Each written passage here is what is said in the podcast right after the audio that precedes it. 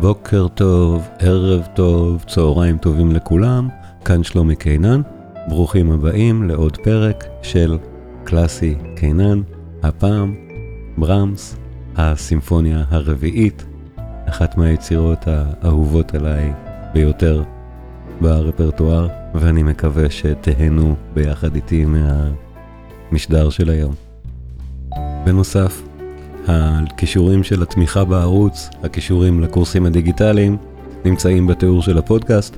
אז אם אתם נהנים מהתוכן, אה, אנא, הסתכלו גם בזה.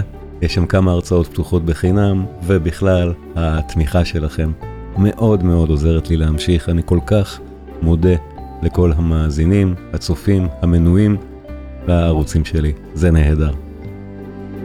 הרביעית של ברמס, בואו נהנה. והיום אנחנו לא בברוק, היום אנחנו במפגש ה...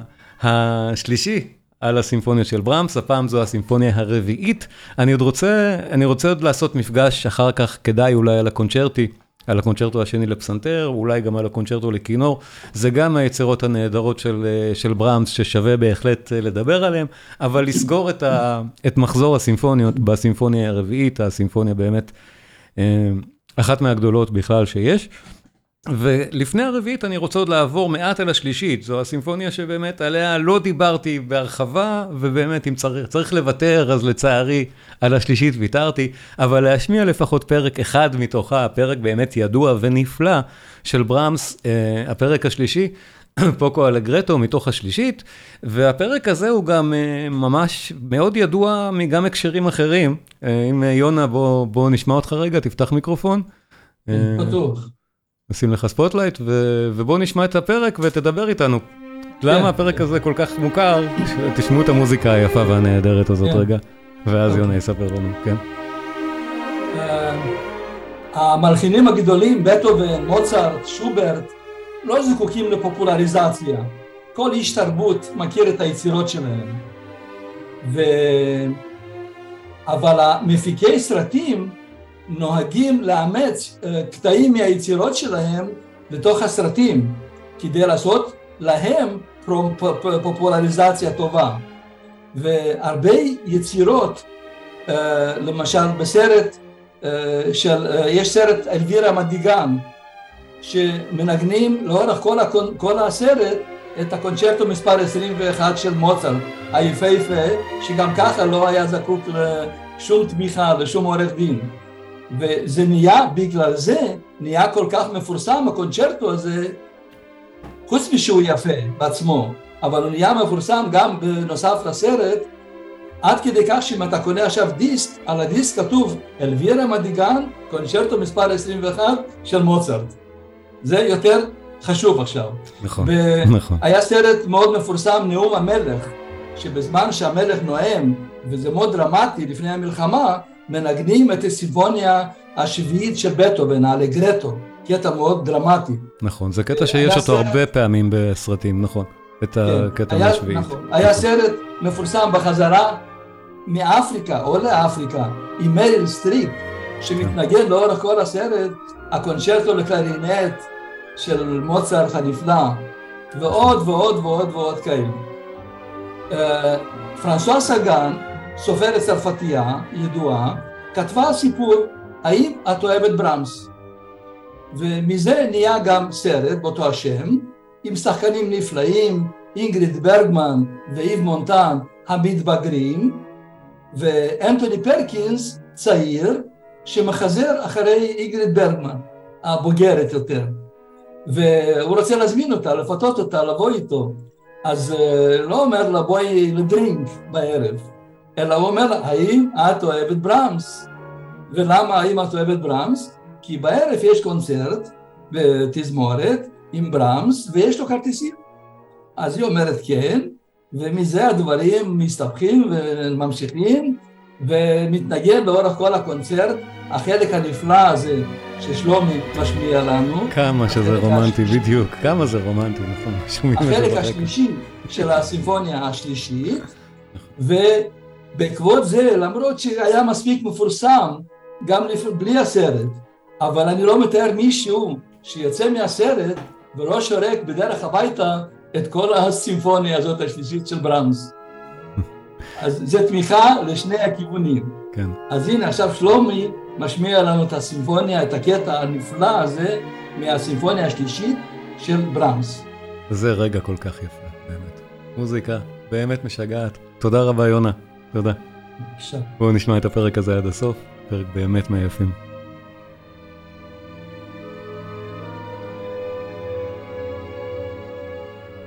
תמיד כיף לשמוע אותך.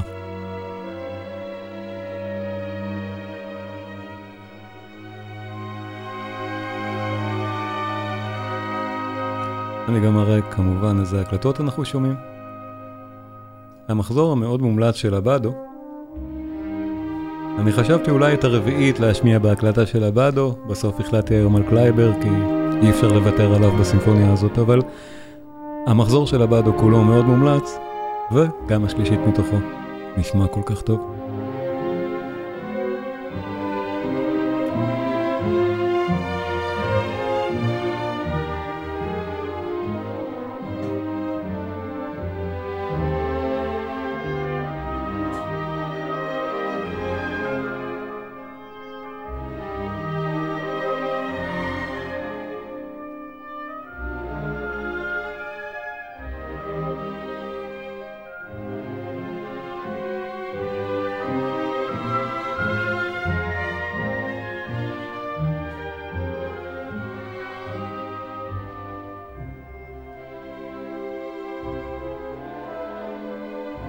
היצירה הזאת ברמס הלחין ב-1883, רביעית מ-1885,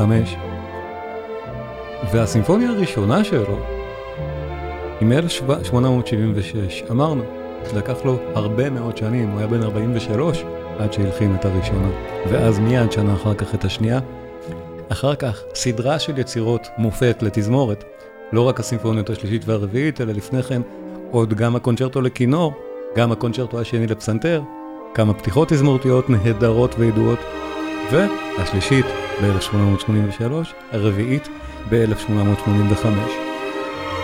אני חזרתי לתאריכים האלה פעמיים, כי בראייה של המוזיקה האירופאית הכללית, הרומנטיקה המאוחרת, שנות ה-80 של המאה ה-19, זו תקופה באמת מאוד מאוד מאוחרת למוזיקה כזאת. ותכף אני אראה למה אני מתכוון.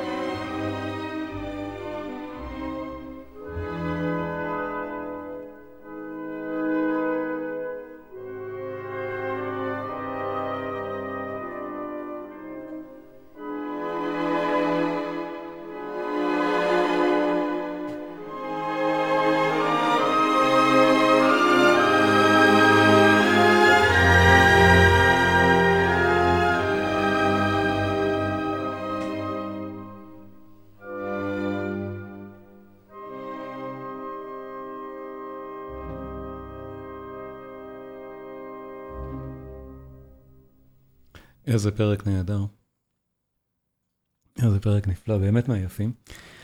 אז uh, לפני שאנחנו מגיעים לסימפוניה הרביעית, אני רוצה באמת לתת אולי קצת קונטקסט לאיפה המוזיקה של ברמס נמצאת, ומדוע באמת הריספשן נגיד של יצירה כמו הרביעית, היה לעינינו נראה קצת משונה. כי באמת ברמס כמלחין מאוד מאוד הצליח בווינה, היצירות האלה שלו היו נהדרות, ומצד שני, קיבל הרבה מאוד ביקורת אומנותית. מה... אמרנו, דיברתי על זה כבר גם, ב...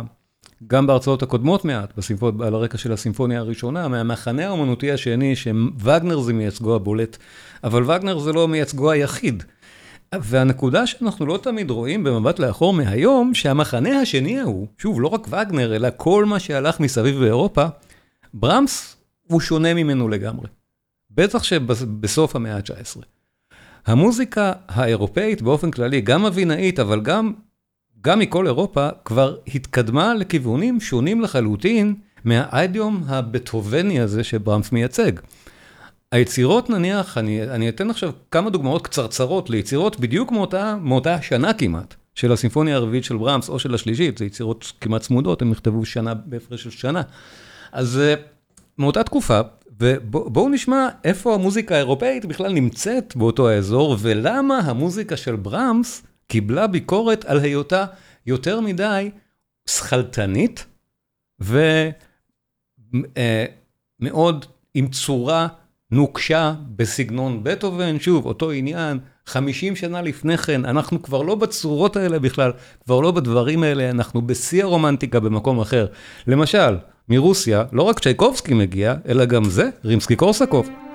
וסליחה, שימו לב עד כמה המוטיב של הפרק השלישי של שחרזאדה דומה כמלודיה למוטיב של ברמס, אבל עד כמה הפרק הוא שונה, וזה כמעט מאותה שנה.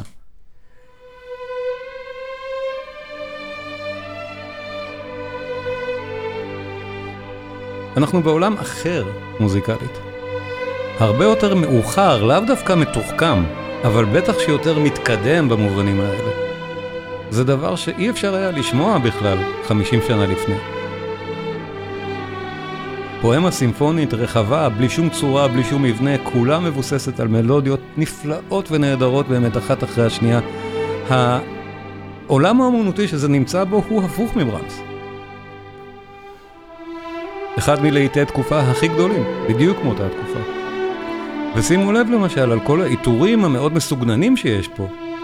כל הזמן, כל הערבסקות האלה, הן אמנם נקראות ערבסקות, אבל זה לא רק דווקא לסגנון שחרזאדה, זה דבר שיש אותו במוזיקה בתור עיטורים בכל, אה, בכל ז'אנר. אבל תכף נשמע, הדבר מאותר כל כך יפה מכל ה... וכל העניינים הלאו דווקא של ההיגיון המוזיקלי הנוקשה, אלא של פשוט בשביל היופי והרושם והפואמה הסימפונית, העברת הרגש הזאת. העיטורים האלה הם באופן מאוד מפורסם קורים עכשיו. אז אני בכוונה משמיע דברים באופי דומה, דברים שקטים, לא מוזיקה אחרת, לא רועש, אבל הם אחרים לגמרי כבר מברמס.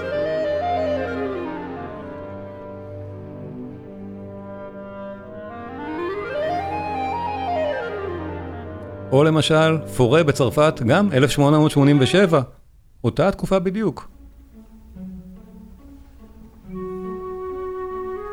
איפה הפוואנה של פורה והסימפוניות של ברמס? זה עולמות שונים לגמרי. ושוב, דברים שלא יכולים היו להיות בכלל מולחנים 50 שנה לפני כן.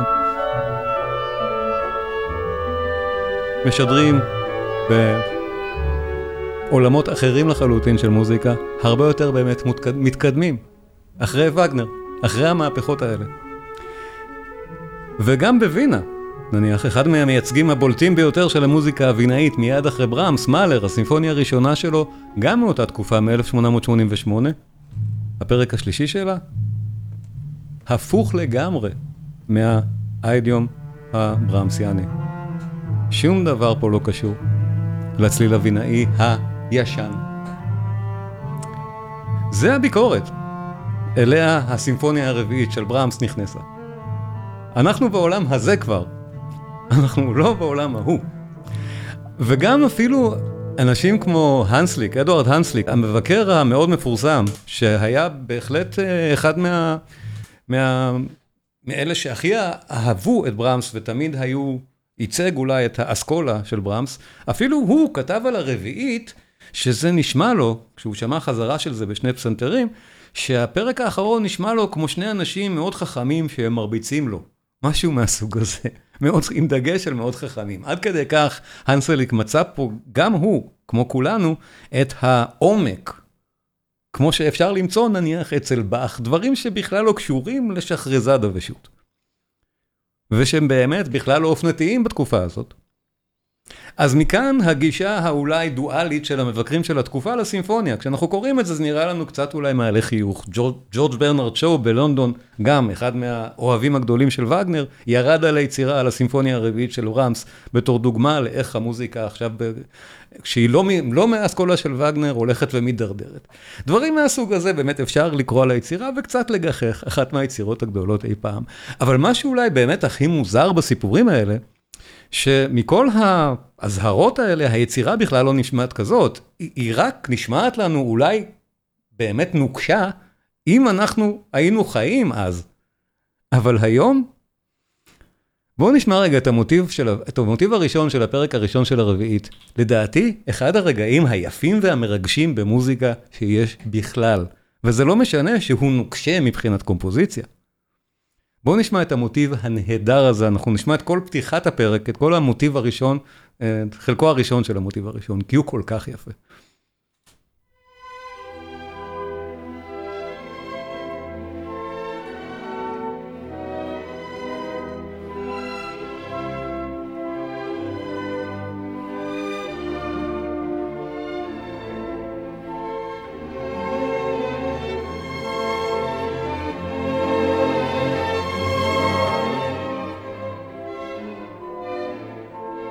לטעמי זו מוזיקה מרגשת, כאילו אין לי שום...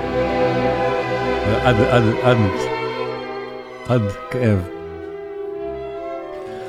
אבל, שוב, בניתוחים האלה של הנסליק וכולם, כן, זה לקחת את בטהובן לעוד יותר הקצנה של לצמצם מוטיב, אפילו לא של ארבעה תווים, אלא להפוך אותו לשני תווים ולעשות מזה את העניין.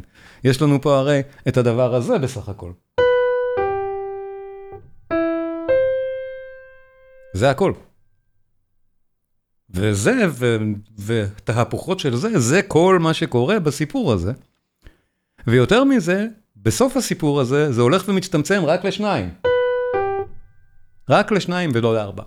אז שוב, אפשר למצוא פה את כל התרגילי קומפוזיציה המאוד מעמיקים האלה, שגם בטהובן היה עושה, ושכל המוזיקה ששמענו עכשיו, שמייצגת את לעיתי התקופה, או מהסביבה האחרת של התקופה, שהייתה מאוד מאוד... בואו נגיד, כבשה את אירופה, בכלל לא מתייחסת לבניות מהסוג הזה כבר. אין, אין שום ניתוח קומפוזיציה כזה שאפשר ליישם על היצירות ששמענו קודם, זה לא רלוונטי. אז המוטיב הנהדר הזה,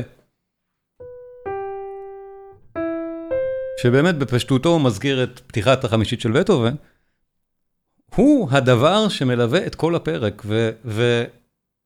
וענייני פיתוח שלו הם באמת מה שעושים את המוזיקה הנפלאה של הפרק הראשון של הפרק, של הפרק הראשון של היצירה. בואו נראה רגע איך הוא מתגלגל, הוא מתחיל כמו ששמענו כאן.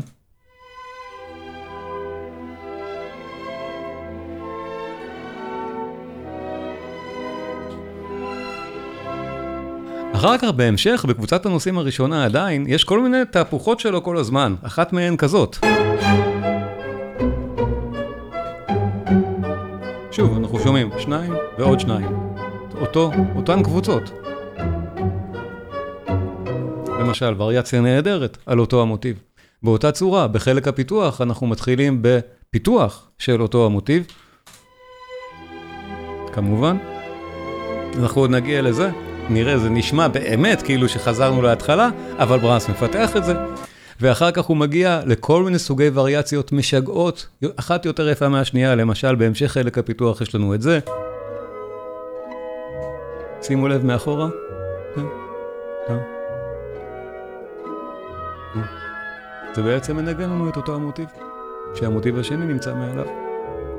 ואפשר להבין את זה אפילו מכאן שזה המשכו. כל הפרק מבוסס על המוטיב הזה, על ארבעת התווים שהופכים לשניים. ובאחד מהרגעים הכי נלמדים, אני חושב, בשיעורי קומפוזיציה, הכניסה בחזרה לרקפיטולציה בפרק הזה. הכניסה מהפיתוח לרקפיטולציה. אני אזכיר, הרקפיטולציה בפרק סימפוני בצורת סונטה, ושוב נבין, כל הקונסטרוקציה הזאת בתקופה, בתקופה שאנחנו מדברים עליה עכשיו, היא כבר ממש ישנה. כבר אף אחד פרט לברמס כנראה לא מלחין בהקפדה כזאת על הצורה, אבל בכל מקרה הוא מקפיד. אז הרקפיטולציה, זה בדיוק החזרה לנושא הראשון והשני, שחוזר, שחוזרים אחרי חלק הפיתוח, והכניסה בחזרה לרקפיטולציה אחרי הפיתוח היא סוג של big deal. זה מין רגע חשוב בתוך פרק סימפוני. הדרך שבה ברמס נכנס כאן לרגע החשוב הזה, היא משגעת ונפלאה ולומדים אותה. בואו נזכר, המוטיב הזה נשמע כך.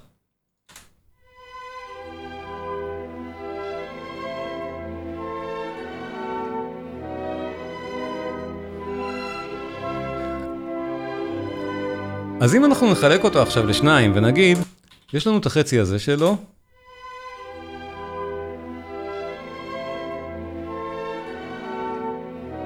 ועכשיו את החצי הזה.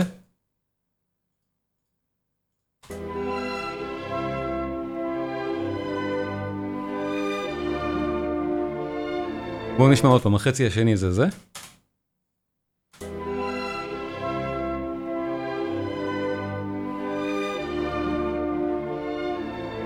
החזרה לרקפיטולציה חוזרת באמת דווקא על החצי השני, שימו לב.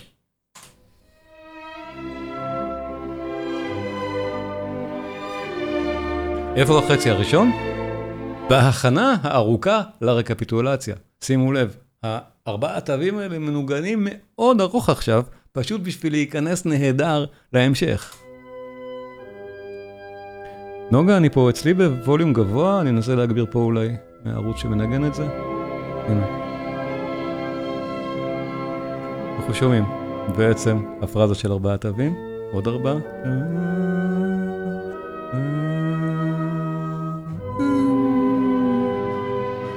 והרקפיטולציה מתחילה בהמשכה של הפרזה.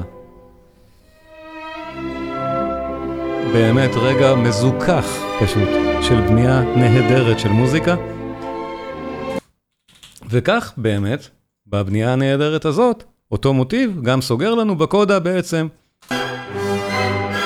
באופן הגדול שהוא צריך להיות ולסגור פרק. אז באמת, המוטיב הראשון הזה הוא הדבר החשוב. כמובן בצורת סונטה יש לנו עוד מוטיב, שגם הוא, הוא מתפתח. המוטיב השני, התמה השנייה, נשמעת ככה.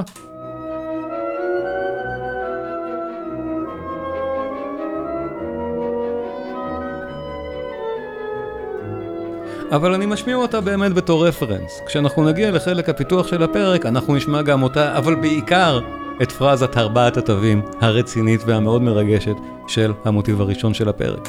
חשוב להדגיש גם, כמו שבסימפוניות האחרות של בראנס ובסימפוניות של בטהובן, כל תמה כזאת היא בעצם חלק מתוך uh, כמה וכמה, זה קבוצת נושאים, זה לא, זה לא בעצם נושא אחד, אז בתוך הנושא הראשון למשל, יש לנו עוד כמה חלקים מאוד חזקים שמתפתחים אחר כך, וכל אחד ואחד מהם הוא מאוד, uh, מאוד, uh, יש לו אישיות בזכות עצמו, למרות שגם הם מבוססים על אותו עניין. למרות שזה גם סוג של וריאציה על הנושא, הם מקבלים את האישיות של עצמם, למשל ההכנה הקטנה הזאת.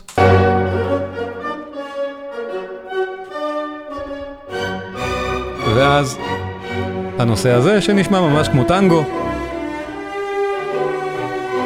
וגם זה חלק שיפותח אחר כך, ושימו לב, חדי האוזן מבחינים שגם זה וריאציה על אותה התחלה, על נושא ארבעת התווים ההוא. אבל זה עדיין חלק מקבוצת הנושאים הראשונה. בכל מקרה, כן, יש הרבה מאוד מה לנתח, נגיד, בפרק כזה, באופן, בצור, בצורת הסונטה הזאת. וזה באמת יוצא דופן מאוד כבר לתקופה, כמו שראינו בסימפוניות למשל של צ'ייקובסקי, שניגשים אליהם כבר באופן שונה לגמרי. הדברים האלה באמת ניגשים אליהם כמו אל סימפוניה של בטהובן, בדיוק באותה צורה, בדיוק באותו אופן של ניתוח, ובראנסט נותן את ההמצאה הנהדרת שלו כאן לכל האורך, אבל עדיין הדבר והמבנה ברור, נוקשה משהו ונפלא. אחת, מ, אחת מהסימפוניות באמת הנפלאות ביותר שיש ברפרטואר, ודאי שהפרק הראשון הנהדר הזה שלה, ובואו פשוט נשמע אותו, המוטיב הראשון, בהתחלה.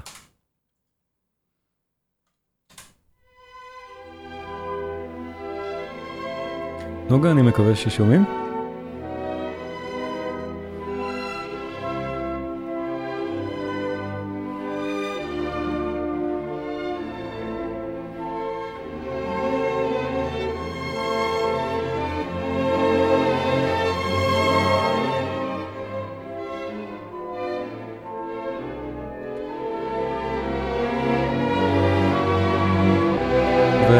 והחזרה של הנושא. עם העיטורים הקטנים האלה מאחורה, עם הקונטרפונקט הנהדר. ברמס הוא רב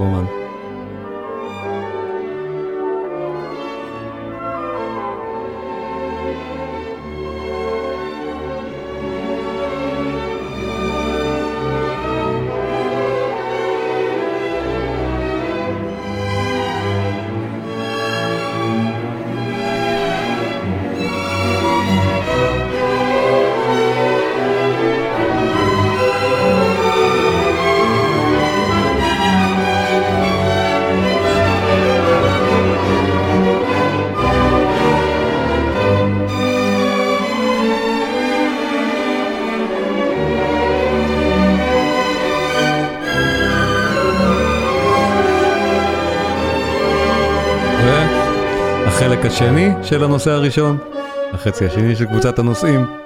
החצי הזה גם, אמרנו, מקבל חיים בזכות עצמו. נהדר.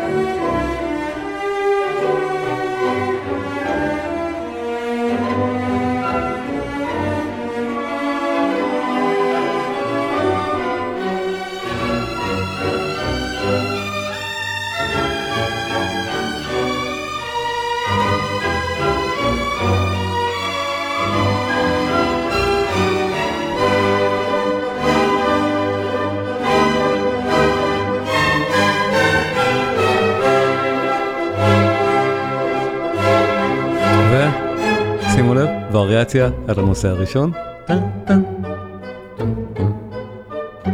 כל הדברים האלה הם וריאציות על אותו הנושא. שאנחנו מסיימים עכשיו את קבוצת הנושא הראשון באותה וריאציה, חוזרים לעוד הכרזה שלו.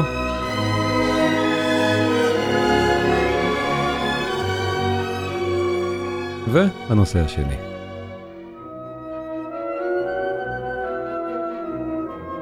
שימו לב שגם זה מלווה על ידי אותו שוב של מקצב תמיד טם טם טם טם של אותו פיגורציה ריתמית שמחזיקה בעצם את המוטיב של תחילת הפרק. הדבר הזה שולט על כל הפרק האמור. החצי השני של הנושא השני.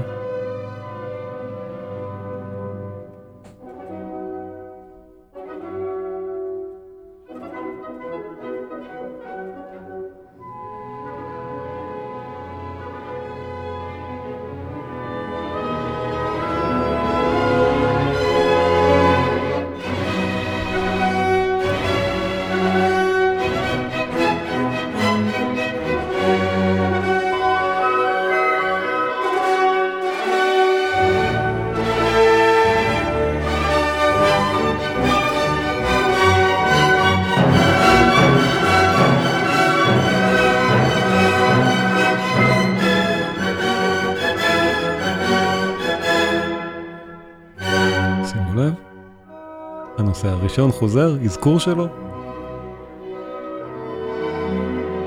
עכשיו, בפרק סימפוני, באמת מהסוג הזה, מקובל לחזור עכשיו לאקספוזיציה, שוב, לחז... לנושאים, שוב להצגה שלהם פעם שנייה. רה-אקספוזיציה זה נקרא, וזה באמת נשמע כמו רה-אקספוזיציה. זה נשמע כמו חזרה להתחלה, חזרה לנושא הראשון כמו שהוא היה. אבל ברמס עושה פה תרגיל קטן, אנחנו כבר הגענו לחלק הפיתוח, זו לא אקספוזיציה, זה רק נשמע כמוה, ותכף זה יהיה ברור, הלכנו למקום אחר. וברמס מפתח את זה נהדר, אנחנו נשמע את כל חלקי המוטיבים ממקודם, משחקים משחק נהדר אחד עם השני עכשיו, אבל בעיקר את הנושא הזה על כל יופיו.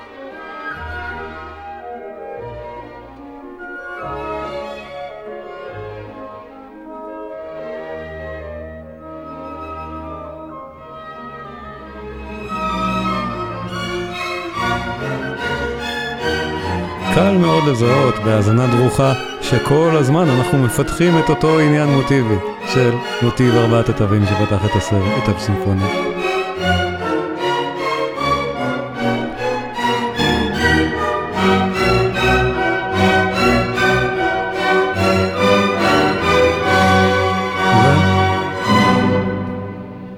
פיתוח של נושא הטנגו הזה, נגיד ככה, של אותה הכרזה מעניינת.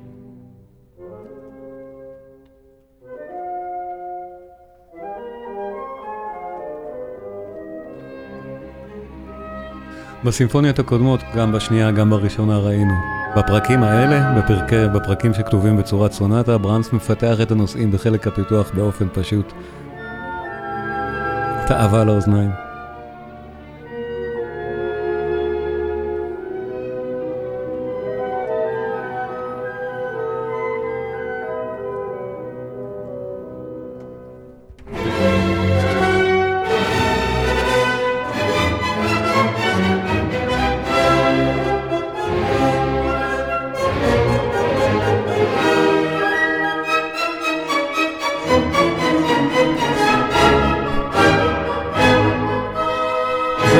שימו לב, פיתוח של הנושא הראשון עם הנושא השני עליו. הנושא הראשון בפיציקטו מאחורה. השני, למעלה. וחציו השני של הנושא.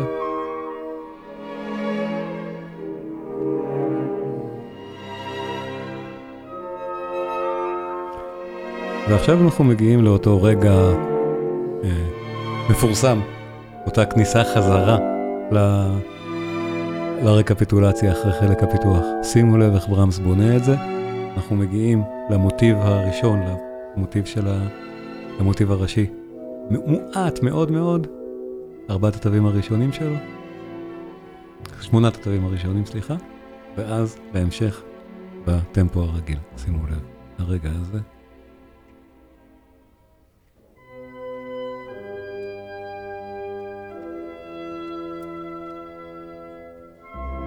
אנחנו זוכרים את המלודיה הזאת מפתיחת היצירה והמוטיב שזה חוזר כל הזמן. הנה, המשכו עכשיו.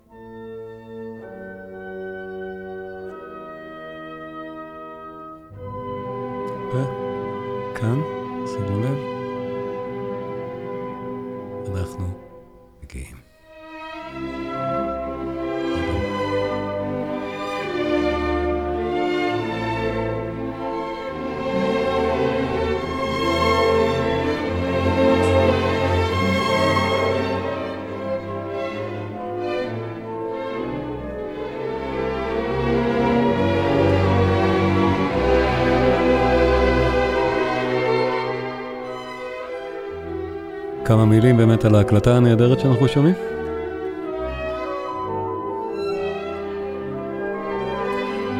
הקלטה של קלייבר, של קרלוס קלייבר. שמענו גם את החמישית של בטהובן בהקלטה שלו, גם השביעית של בטהובן למשל, זו הקלטה נפלאה שלו. קלייבר הקליט מעט מאוד יצירות, הוא לא הקליט למשל את כל הסימפוניות של ברמס, גם לא את כל הסימפוניות של בטהובן. אבל זה מקרה מאוד מעניין שההקלטות האלה שלו, שהוא הואיל בטובו להקליט, כמו זו, נחשבות, למשל זה נחשב ההקלטה, הקלטת הרפרנס של היצירה, של הרביעית של ברמס. קשה מאוד לטעות פה בקלייבר, הקלטה באמת נהדרת, כמו שאנחנו שומעים עכשיו, מומלץ בחום.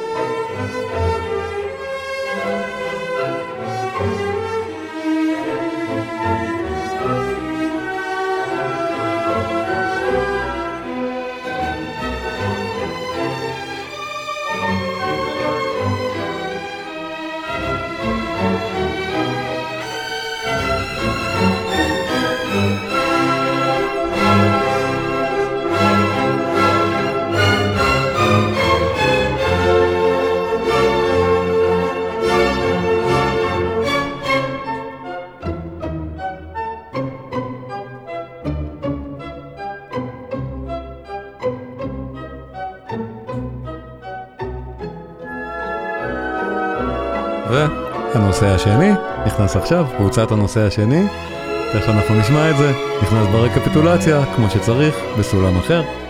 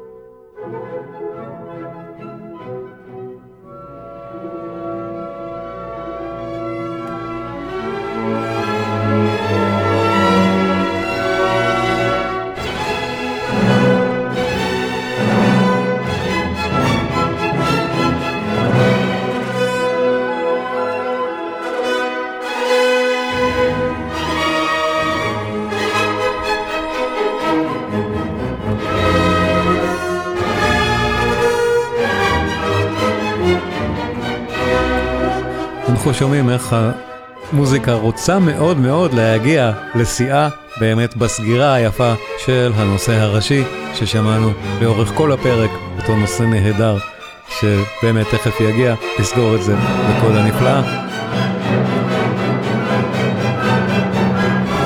עכשיו זה בא, ברור. הגענו.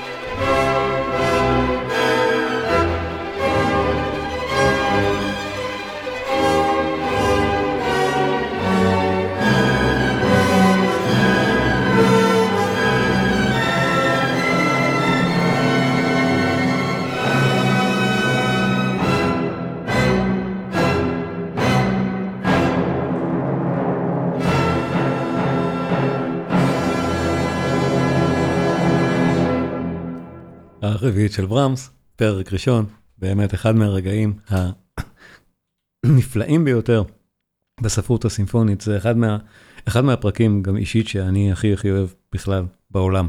מה ששמענו עכשיו זה פשוט מוזיקה נהדרת, אבל ברור, הסימפוניה לא, לא נגמרת כאן, יש לה עוד שלושה פרקים נהדרים גם הם. על השני, הפרק השקט, אנחנו נדלג מקוצר זמן. השלישי, יוצא דופן באמת מאוד בנוף הברמסיאני, כי ברמס מלחין כאן סוף סוף, מועיל בטובו להלחין סוג של סקרצו, הוא לא קורא לזה סקרצו.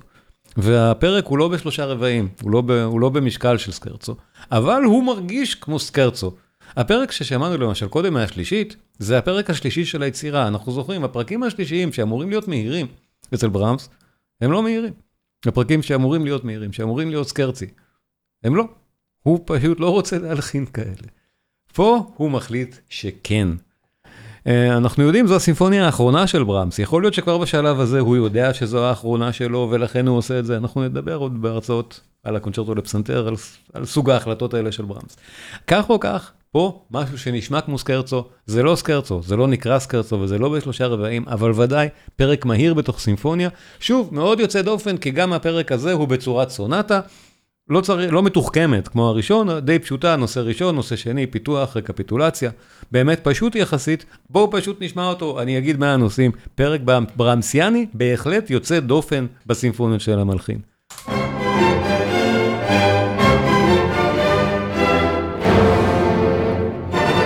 נושא ראשון.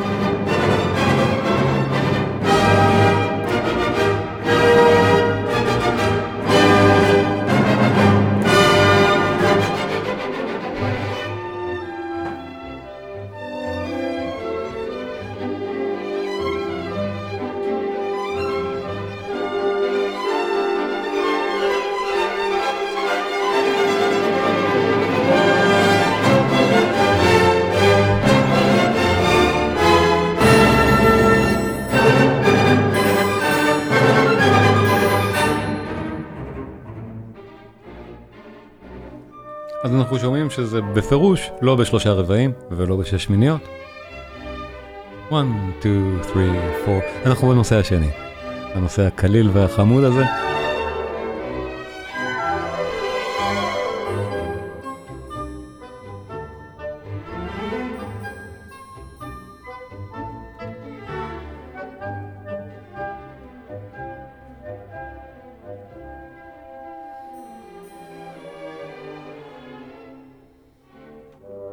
ואמרנו, זה בנוי כמו באמת פרק בצורת סונטה, לא מסובך, נושא ראשון, נושא שני, חלק פיתוח, נשמע איך הנושא הראשון חוזר ומתפתח.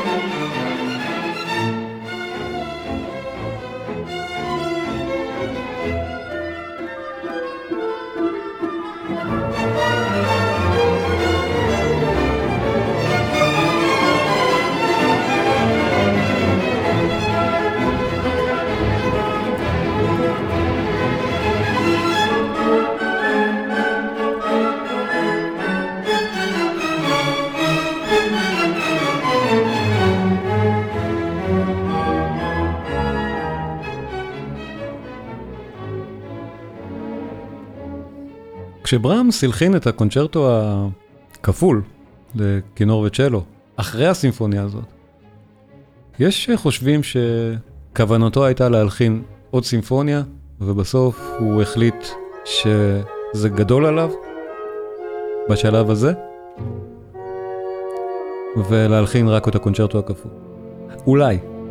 זו סברה, זה לא שאנחנו יודעים על תהליך היצירה של ברמס בעצם שום דבר. אנחנו לא נותרו כמעט סקיצות, הוא השמיד את כל התווים של היצירות שלו, אנחנו לא יודעים בעצם מה עבר לו בראש ולמה. כך או כך, הוא חי עוד עשר שנים אחרי הסימפוניה הרביעית. יכול היה להלחין עוד בז'אנר, והוא בחר שלא.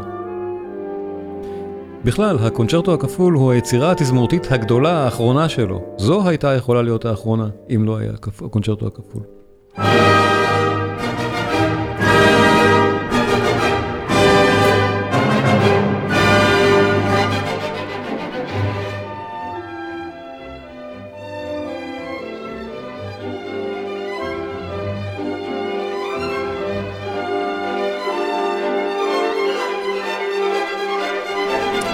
והגענו לרקפיטולציה.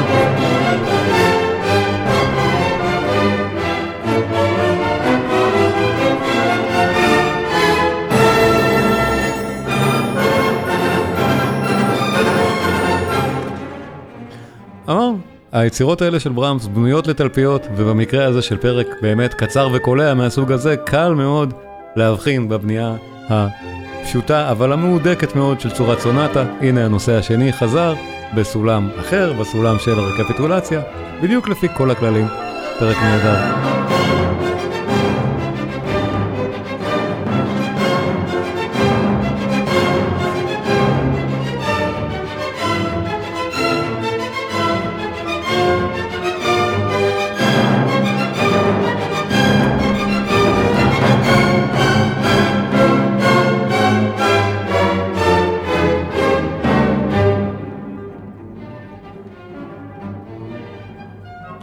ומיד נגיע להכרזה נוספת של הנושא הראשון, מתפקד גם בתור הקודה של הפרק, אבל ברור, אנחנו סוגרים את זה בנושא הראשון, בצורה הגדולה והיפה שלו לסיום הפרק.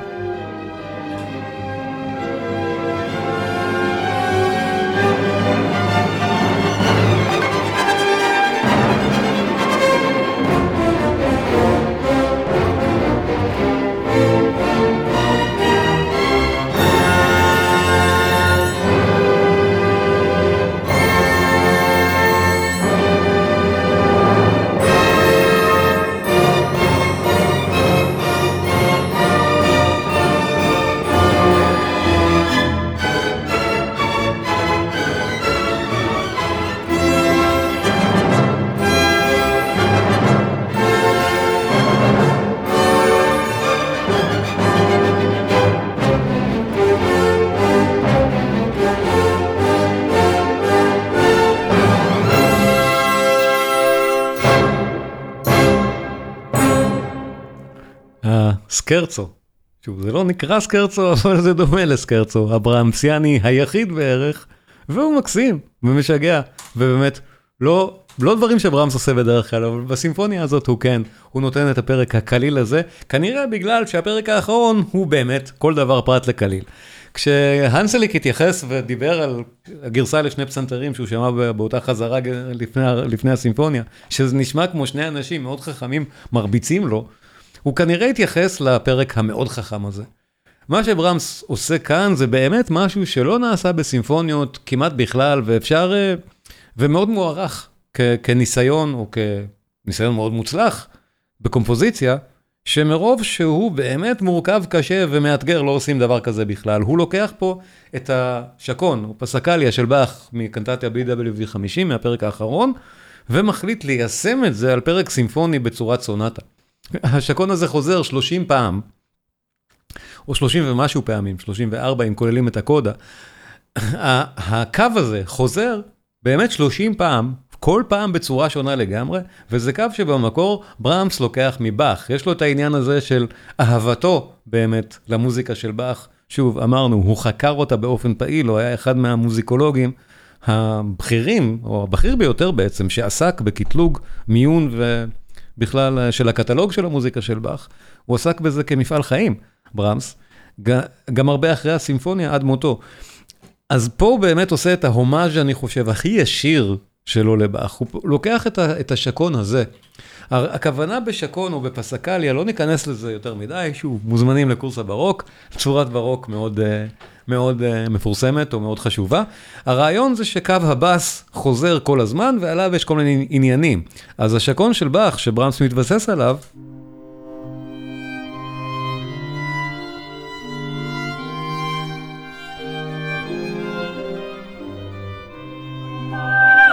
אנחנו שומעים את הבאס כל הזמן חוזר.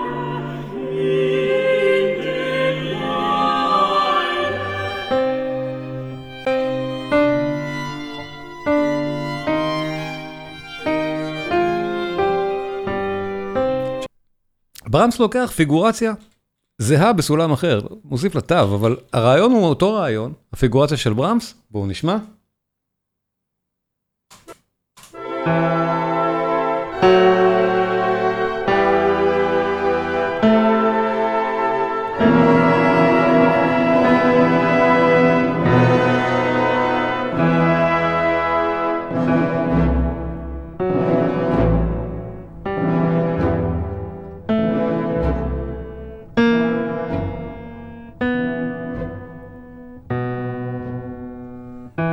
שימו לב. אני מנגן את קו הבאס הזה, כמו שניגענו אצל באך, את קו הבאס הזהה על הקטע של באך, ובעצם ברמס מייצר פה 30 וריאציות על השקון הזה של באך. משהו שאין כדבר הזה. זה שזה יוצא פרק כל כך מדהים, זה באמת כי ברמס כזה גאון. ואנחנו נשמע אותו. באמת, זה פינאלה נפלא לסימפוניה נפלאה. ובאמת, הביקורת אולי שהופנתה בשעתו על ברמס הייתה על הדברים האלה. בתקופה שלא כל כך אהבה את העומקים המורכבים מאוד של מוזיקה כזאת, ברמס הולך ועושה את זה. גם מצליח עם זה מאוד בווינה, אין שום בעיה. אלה אבל, פה הוא באמת שונה לגמרי, מ, אני חושב, מהמוזיקה של תקופתו בכלל, והפרק הזה באמת נהדר. אני סימנתי חלק מהווריאציות, לא את כולם, אני אספור אותם עד התשיעית בערך, ומאז אנחנו נשמע את זה בהנאה גדולה.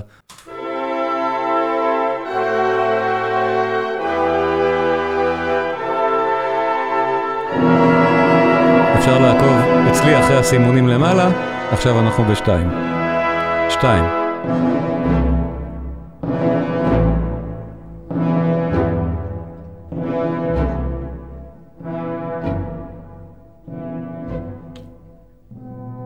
שלוש.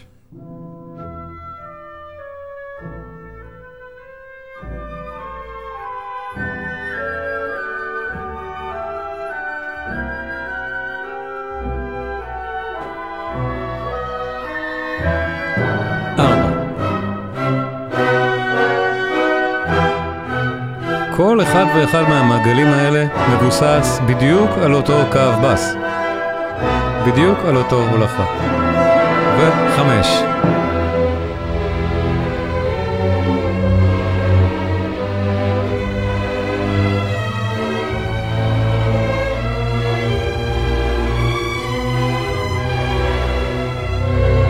אתם תסלחו לי, אנחנו נסיים טיפה יותר מאוחר, היצירה היא נהדרת וגם התחלנו טיפה יותר מאוחר היום.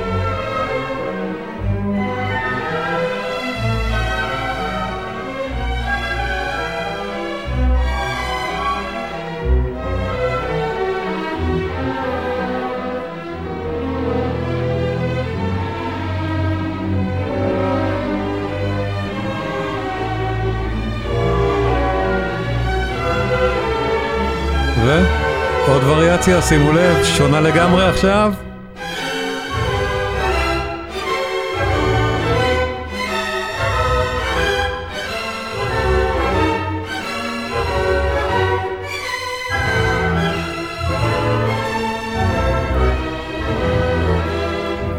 עוד אחת עכשיו.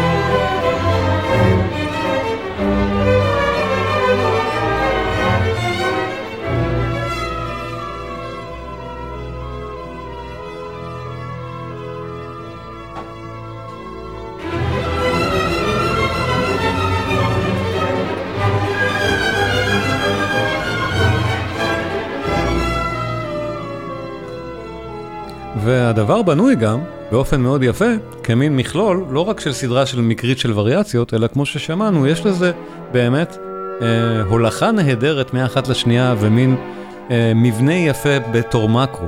כמו שאפשר לראות את זה אצלי, עכשיו, עכשיו אנחנו מגיעים לווריאציות השקטות, שנמצאות די, בר, די ברצף באמצע.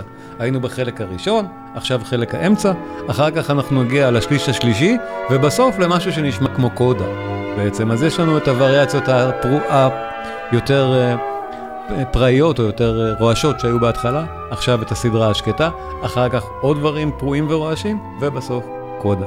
ועדיין אנחנו כל הזמן בתוך המסגרת הנוקשה הזאת. של וריאציות על השקון. גם פה אפשר לשמוע, ההרמוניה וההולכה היא בדיוק מה שהיה מההתחלה. כל כך יפה.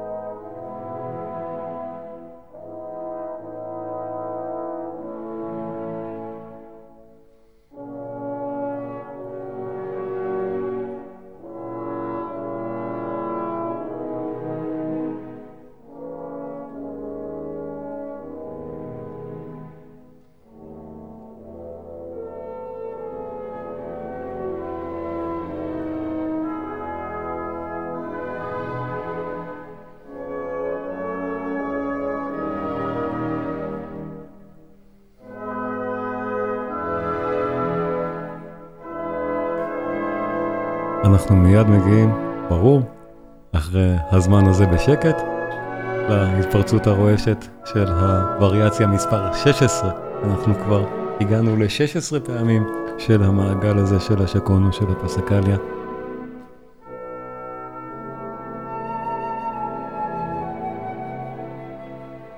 תיזהרו, עכשיו זה יבוא. זה מזכיר באמת את הווריאציה הראשונה. אמרנו, ברמס בונה את זה מעט מעגלי, זה דומה לאיך שהדבר התחיל, לא בדיוק, הרימון טיפה שונה, ומיד עוד וריאציה.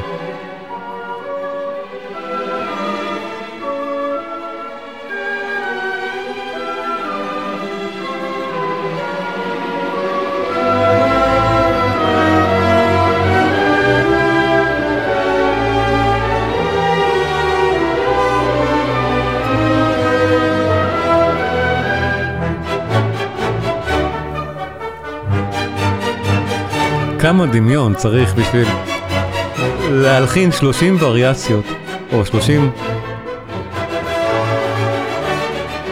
וארבע, אם אנחנו כוללים גם את הקודה, בתוך uh, פרק סימפוני כזה, משקון של באך.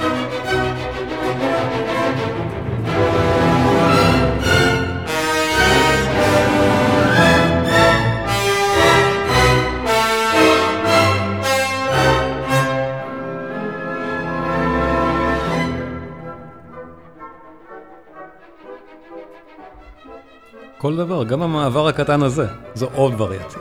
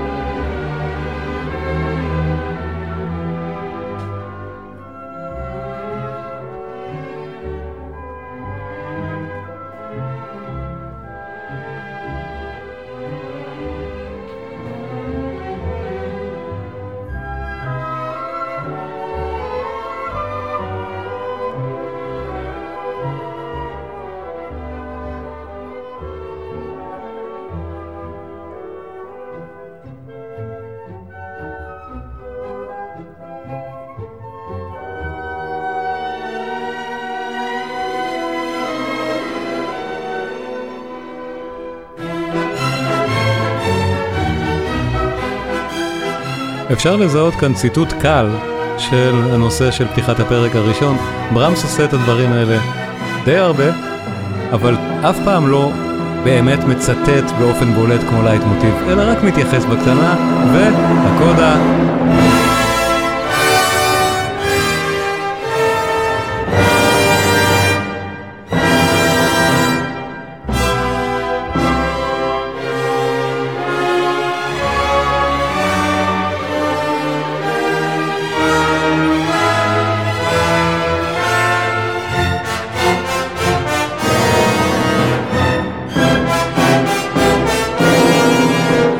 המסגרת כאן היא כבר לא של וריאציות באמת מדויקות על נושא השקון.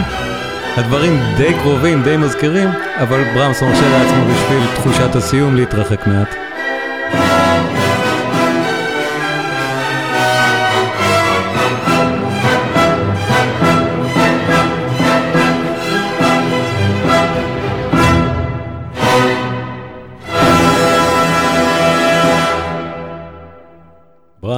הסימפוניה הרביעית.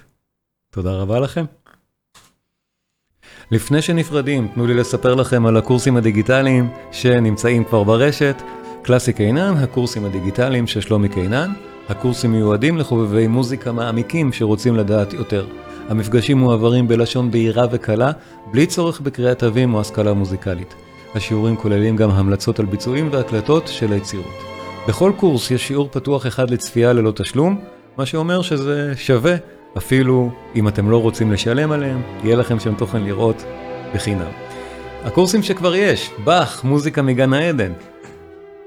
עמדאוס, המוזיקה האלוהית של מוצרט. מבוא למוזיקה של ריכרד וגנר. בטהובן, העוצמה והיופי. וחדש, מאלר, המשורר הסימפוני. כל אחד מהקורסים האלה יותר מ-15 שעות, וכל הזמן מתווסף גם עוד חומר. הקורסים עצמם דינמיים, ואני מוסיף להם הרצאות נוספות ככל שאני בעצמי עורך אותם. אז זה כל הזמן גם משתפר ומשתדרג. מי שמעוניין לבדוק, הקישור נמצא בתיאור של הסרטון בו אתם צופים עכשיו. אני מזכיר לעשות subscribe, לעשות לייק, ואנחנו נשתמע בפעם הבאה.